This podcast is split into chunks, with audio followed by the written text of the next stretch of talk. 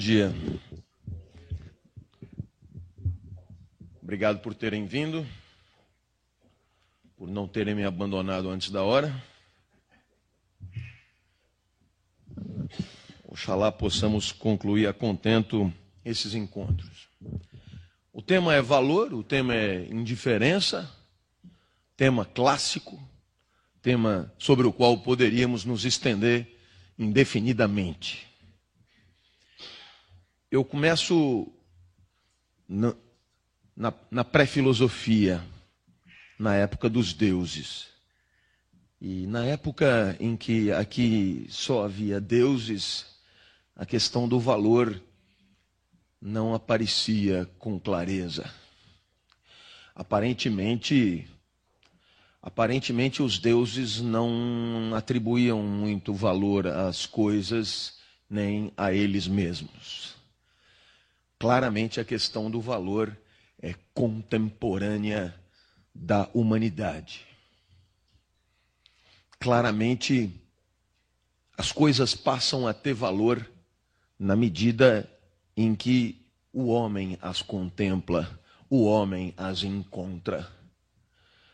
Claramente, as coisas têm valor para o homem, na medida das necessidades da vida humana. Antes disso, não fazia o menor sentido pensar no valor das coisas. Um planeta, um planeta nunca observado, um planeta nunca contemplado, nunca encontrado por ninguém, não pode ser nem bonito nem feio, nem grande nem pequeno, nem redondo nem quadrado, porque um planeta nunca contemplado por ninguém só é indiferente, sem valor. Passará a ter valor quando observado por alguém, quando encontrado por alguém.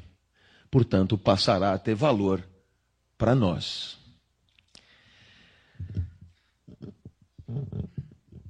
O curioso é que, no próprio pensamento é, mitológico, o surgimento do homem não é exatamente um episódio nobre.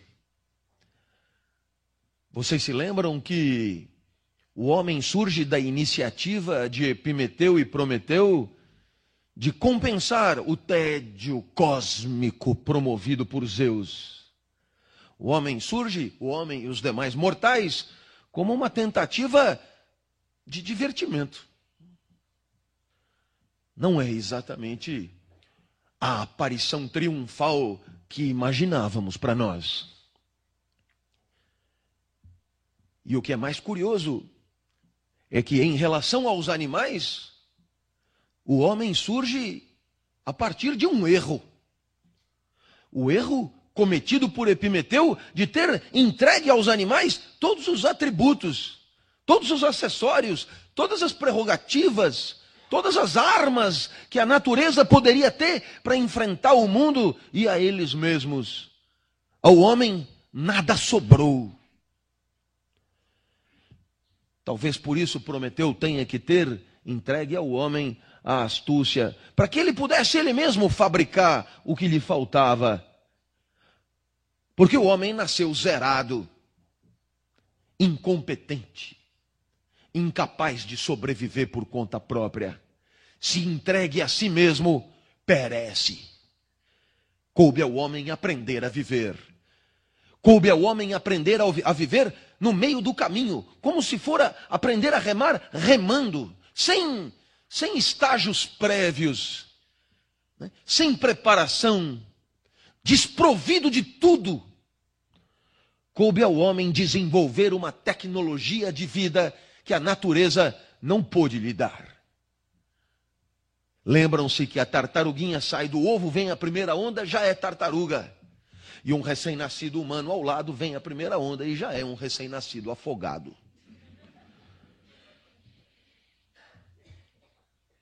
Portanto, se o valor é concomitante do surgimento do homem, o valor tem a ver com a própria condição humana.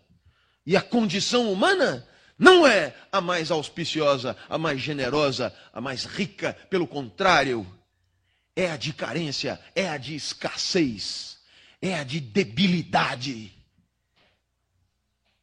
Se o valor é uma invenção humana, aparentemente faz parte desse aprendizado para a vida que o homem teve que desenvolver para apetrechar os seus, que como ele nasceram na, na carência, na caristia, na impossibilidade.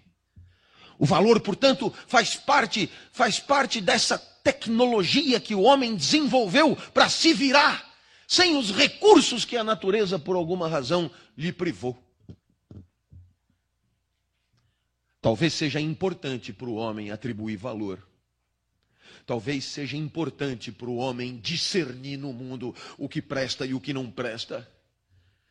Talvez, talvez por conta desta fragilidade que é a nossa, acabou se tornando fundamental conseguir separar o joio do trigo, conseguir identificar o melhor do pior. E essa importância de valorar as coisas do mundo começa pela própria necessidade do homem de dar à sua vida um caminho. Necessidade que a pera, o vento, a maré, o javali e a ameba não têm. Não há, não há porquê um gato valorar, porque viverá do único jeito que, que puder viver. A vida do gato é regida pelo instinto, condição natural que transcende completamente suas inexistentes deliberações. Mas o homem não, não tem nada para lhe guiar. E é por isso que sua vida depende dele. E entre várias vidas é preciso escolher a melhor. E pronto, a necessidade de valoração começa aí, pela identificação da melhor das vidas a viver. Sábado de manhã, com sol, Minas Tênis Clube ou aula de filosofia?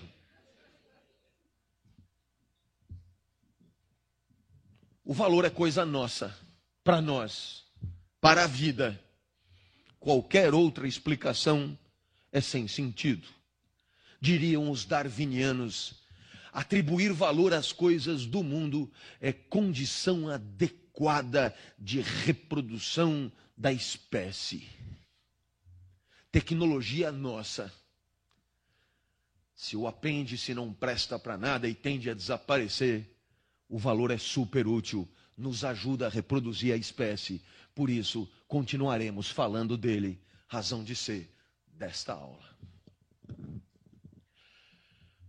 Na filosofia, eu vou começar por uma novidade. Último encontro.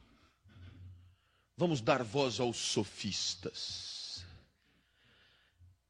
Os sofistas foram marcados pelo entendimento que Platão tinha deles. E é muito triste ganhar a notoriedade histórica pelo entendimento de seu maior inimigo. Não é muito fácil ser conhecido pelas palavras daquele que te odeia. Os sofistas foram taxados de mercenários, como somos nós, os professores. Os sofistas, a diferença é que os sofistas se vendiam bem. os sofistas foram taxados de é, é, ávidos pelo poder na polis. Superioridade em relação aos professores agora é imensa.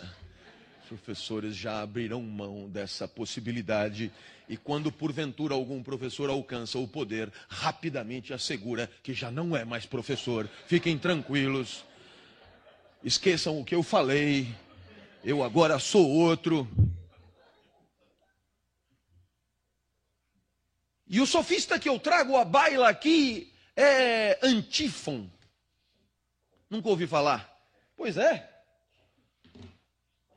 Antífon, Antífon é, não, não ficou de fato famoso fora do clube dos filósofos.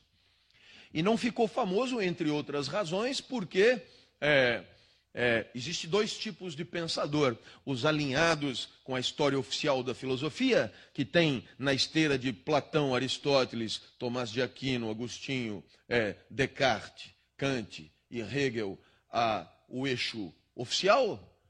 Os outros costumavam ter seus escritos queimados. E Antífon é o caso.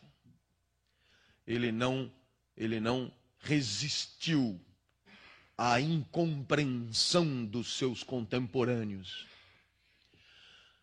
Antífon é, nos propunha, atomista e materialista que era, que tudo que existe é constituído por átomos. E os átomos não estão parados, mas circulam. E se circulam, circulam por onde ainda não há átomos. E, portanto, além de átomos, há vazio. Vazio por onde circulam os átomos. Você está muito de acordo que isso valha para a árvore, para o poste, para a cadeira e para a mesa. Está muito de acordo que isso valha também para o seu corpo. Mas Antífon observava que entre todas as coisas que existem, existe pensamento, existe ideia. E as ideias e os pensamentos são átomos que circulam. Antífon destacava entre é, os pensamentos que constituem a nossa psique, constituída de átomos circulando, é, dois tipos. Aqueles dos quais nos damos conta, que ele denominava de átomos de psique iluminados. E aqueles dos quais não nos damos conta, em número muito maior. A esses Antífon denominava de átomos de pensamento na escuridão. Vá vendo. Não se surpreenda. Nós estamos quatro séculos antes de Cristo. Antífon observava que grande parte, grande parte das nossas tormentas pessoais e individuais advém da nossa impossibilidade de jogar luz a grande parte daquilo que pensamos. Pensamos sem nos dar conta de pensar. A nossa capacidade de alumiar, a nossa capacidade de perceber, a nossa atividade pensante era sem dúvida a grande causa das nossas angústias, dos nossos males. Por isso Antífon criou um hospital. Hospital da alma. Nesse hospital, Antífon recebia as pessoas atormentadas, angustiadas. E Antífon dizia, terceira coisa, que a luz que alumia os nossos pensamentos não os alumia de uma vez por todas, porque como os átomos estão em circulação, temos que acreditar na possibilidade de que aquilo que passa pela nossa cabeça num instante deixar de passar. E melhor, aquilo sobre o qual nunca tínhamos nos dado conta ainda passarmos a nos dar conta, passarmos a ter ciência de pensamentos que antes se encontravam na sombra e com isso desenvolver uma capacidade de identificar a raiz das nossas angústias, a raiz dos nossos males. E você olha para mim e diz: professor, mas como?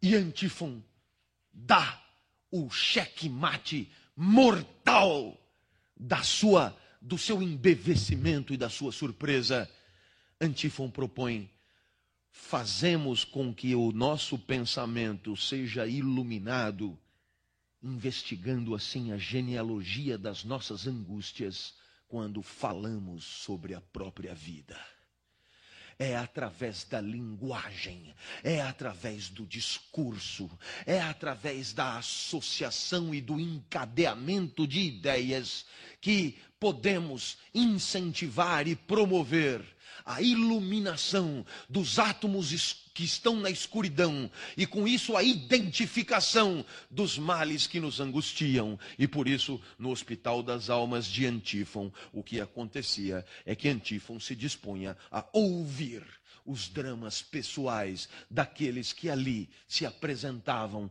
para ser curados. Você que tem alguma formação psicanalítica deve estar à beira de um ataque de nervos. Professor, mas como é que eu nunca ouvi falar desse fulano? E eu te digo, por quê? O que ele escreveu foi queimado. Ah, bom, fico mais tranquilo. Mas ainda assim, como o senhor sabe de tudo isso? É que fiz uma regressão. Eu fui ontem para Rondônia, antes de ontem, numa reunião do Cicobi e parei numa mulher estranha. E ela disse: O que você quer, meu filho? Eu falei: Eu queria voltar para trás. E assim voltei. E me deparei com esse antífon que me contou tudo isso. A verdade é que aqueles que tiveram seus escritos queimados não estão completamente borrados da nossa cultura. Porque felizmente nós temos historiadores do pensamento. Aqueles que contam o que os outros pensaram.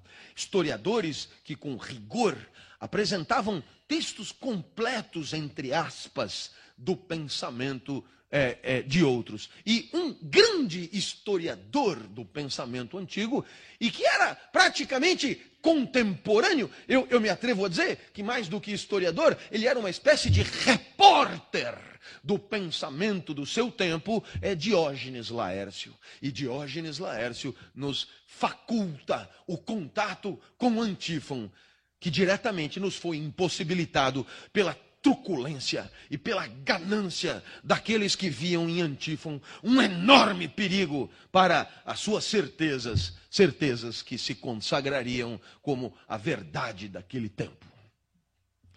O final de contas, o bem e o mal, na perspectiva antifoniana, tem a ver diretamente com as nossas angústias. E será bom tudo aquilo que aplacá-las, será ruim tudo aquilo que alavancá-las e a grande, que as alavancar.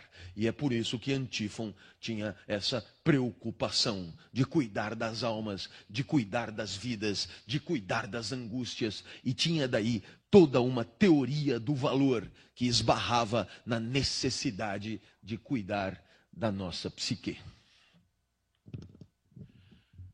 Mas depois de termos cometido essa heresia e dado voz ao pensamento maldito.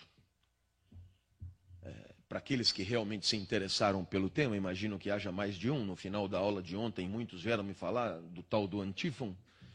O professor Michel Onfray, toda vez que eu falo professor antes de um nome é porque foi meu professor.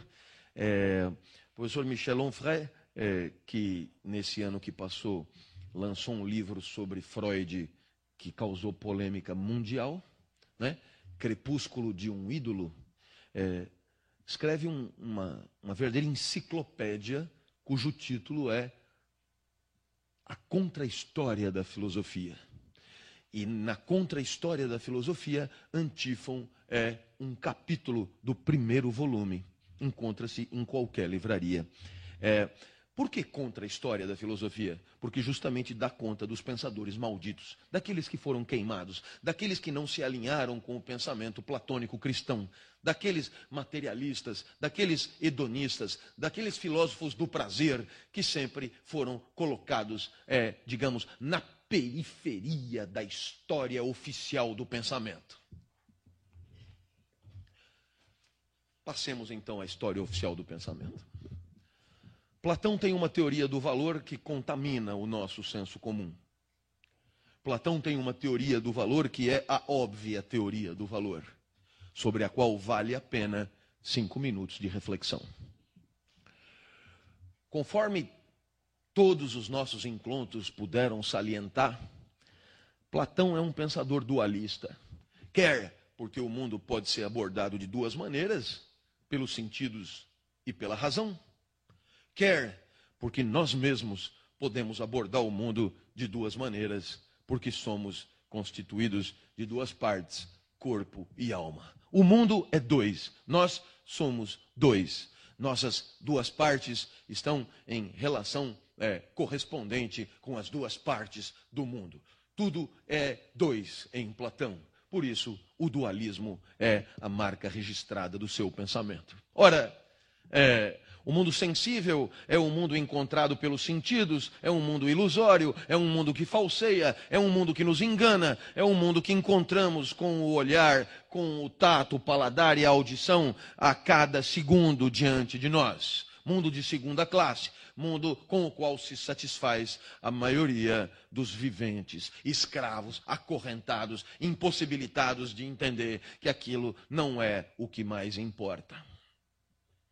Esses escravos que se contentam com o mundo é, são simbolizados por Platão como amarrados dentro de uma caverna e contemplando sombras. As sombras, as sombras da aula que assistem, as sombras da televisão, as sombras dos espetáculos perceptivos que desde que nasceram têm encontrado do amanhecer ao anoitecer. Estes são os que se contentam com pouco, com o que menos importa. Mas há outros que vão além, que encontram o mundo pela alma, pelos olhos da alma. E esses vão além da sombra. Só percebem que são sombra porque percebem que há algo que projeta as coisas que observam no mundo. Existe, portanto, uma relação entre o mundo dentro e o mundo fora da caverna uma relação entre as percepções sensoriais e aquilo que as projeta. E aquilo que as projeta são as formas perfeitas destas sensações. Se você atravessa a rua e passeia pela linda praça que aqui na frente se encontra, você vê árvores. Mas se elas parecem lindas, é porque você não viu a árvore perfeita a ideia de árvore, a essência de árvore. Não pode ter visto. A essência da árvore não se vê com os olhos do corpo, mas depreende-se com os olhos da alma. Professor, ideia de árvore? É a ideia única de árvore que projeta a sombra de todas as árvores individuais que você encontra ao longo da sua vida. A árvore perfeita é aquilo que toda árvore tem. Não há uma árvore igual a outra. Por outro lado, toda árvore, para ser árvore, tem uma arboricidade. Aquilo que toda árvore precisa ter para ser árvore. Essa é a ideia de árvore. E essa você encontra com a razão. O mundo de Sofia. Eis aí, homenagem generosa a colega que, como eu, busca o entendimento do maior público. O mundo de Sofia dá o exemplo da galinha. Galinha 1, galinha 2, galinha 3, galinha 5, galinha 6, são todas diferentes entre si aos olhos do corpo.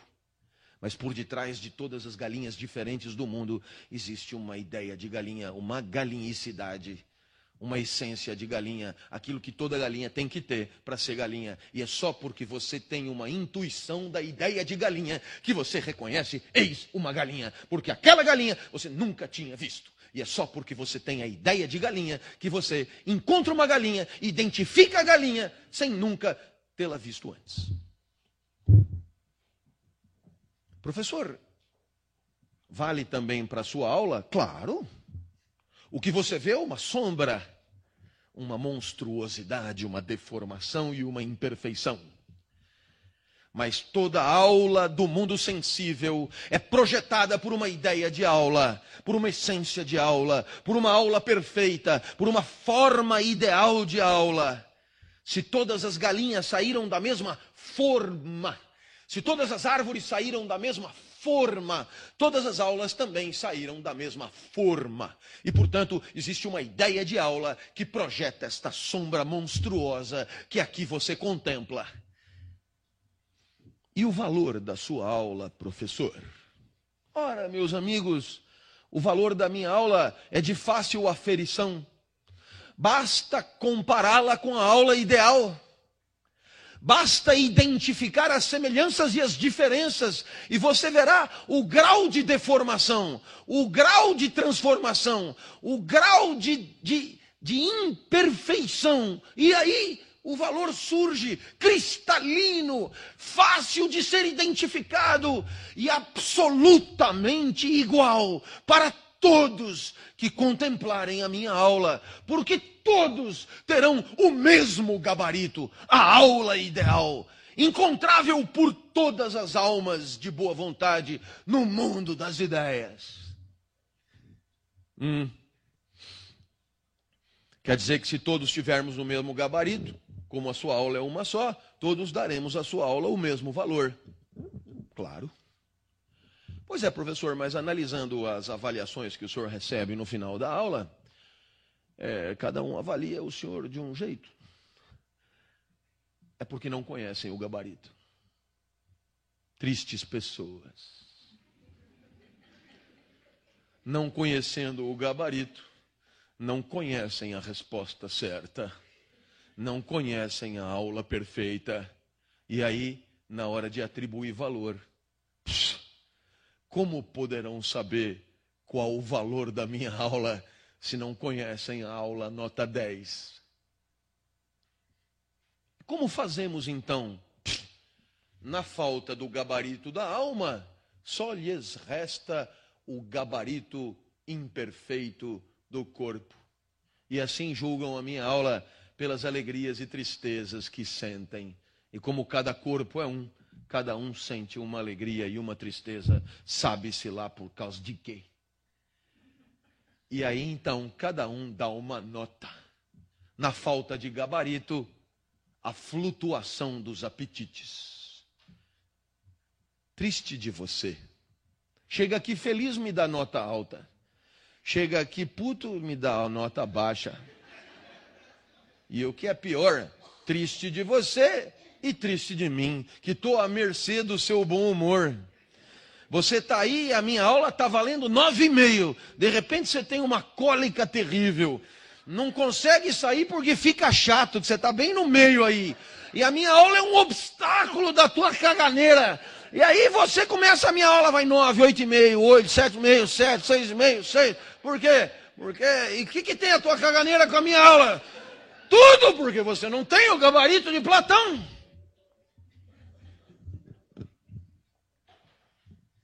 Na hora de escolher entre Serra e Dilma. Hum. Não sei por que eu encadeei caganeira com esse assunto. São associações que eu não sei de onde eu tiro. Na hora de escolher entre Serra e Dilma, como você não tem o gabarito do presidente ideal, só te resta dizer: ah, mas ele é tão antipático, não é? E ela também.